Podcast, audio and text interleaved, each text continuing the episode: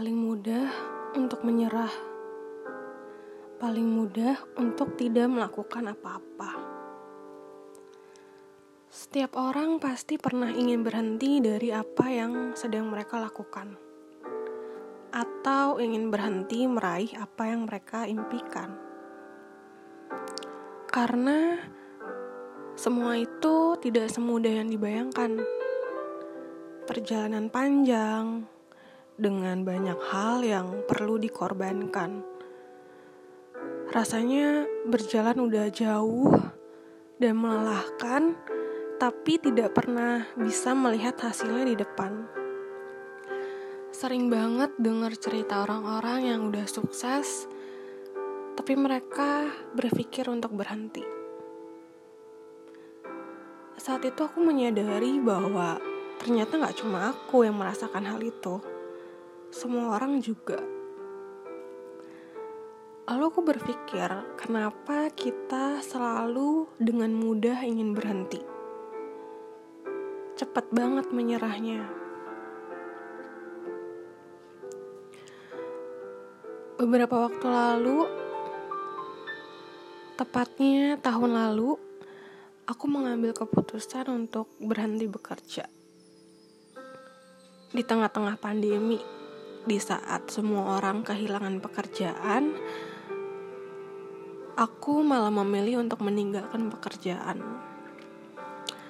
Sebenarnya bukan cuma sekedar karena gajinya diturunin, tapi karena aku bingung apakah yang aku kerjakan saat itu adalah hal yang aku suka. Dan aku bilang ke tim leader aku bahwa kayaknya ini bukan yang aku suka deh. Dan dia bilang kalau ya dulu dia juga seperti itu, bekerja sesuai passionnya dia. Tapi pada akhirnya yang dia cari adalah uang. Sekarang aku udah hampir 8 bulan setelah resign dan masih belum dapat pekerjaan baru. Pekerjaan yang aku rasa itu passion aku, malah sampai sekarang sama sekali tidak terbuka pintunya.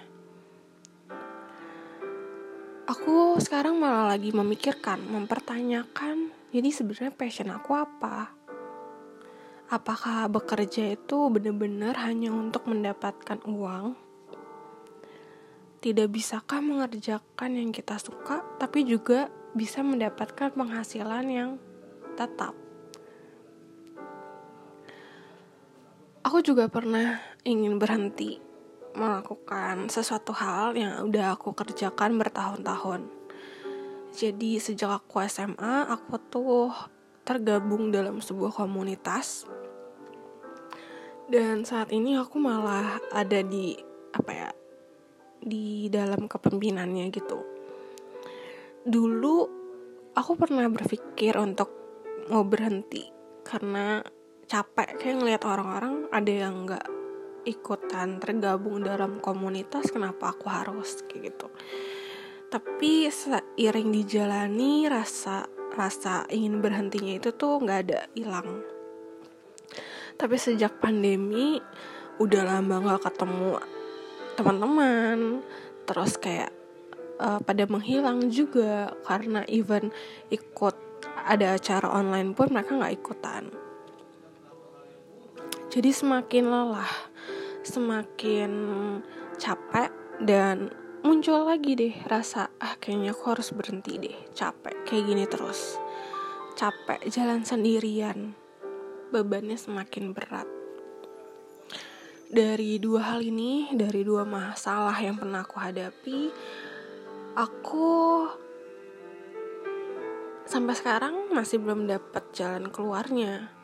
Tapi aku belajar gitu loh dari dari masalah ini. Apa yang buat aku ingin berhenti? Yang pertama, karena aku gak yakin bahwa apa yang aku lakukan ini adalah hal yang aku suka terlalu lelah, terlalu banyak tenaga yang dikeluarkan, sampai-sampai aku nggak menyadari bahwa sebenarnya yang aku lakukan ini juga karena aku menyukainya. Bukan sekedar bukan sekedar aku melakukannya bukan sekedar bekerja atau karena disuruh. Tapi rasa capek rasa kok kayaknya aku banyak berkorban ya di sini? Kok aku nggak dapat apresiasi ya? Kok aku nggak ngelihat hasilnya ya? Kok gini-gini aja ya rasa hal-hal itu yang buat aku ingin berhenti karena terlalu fokus dengan apa yang aku rasakan. Iya, penting untuk peduli sama diri sendiri. Gak boleh terlalu keras sama diri kita sendiri. Tapi ya fokusnya ya jangan sama diri sendiri doang. Semakin kita fokus sama diri kita, semakin kita gak akan pernah puas.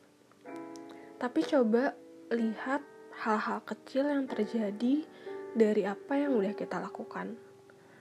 Lihat di sekitar kita, pasti ada aja orang-orang yang kena dampak dari apa yang kita lakukan.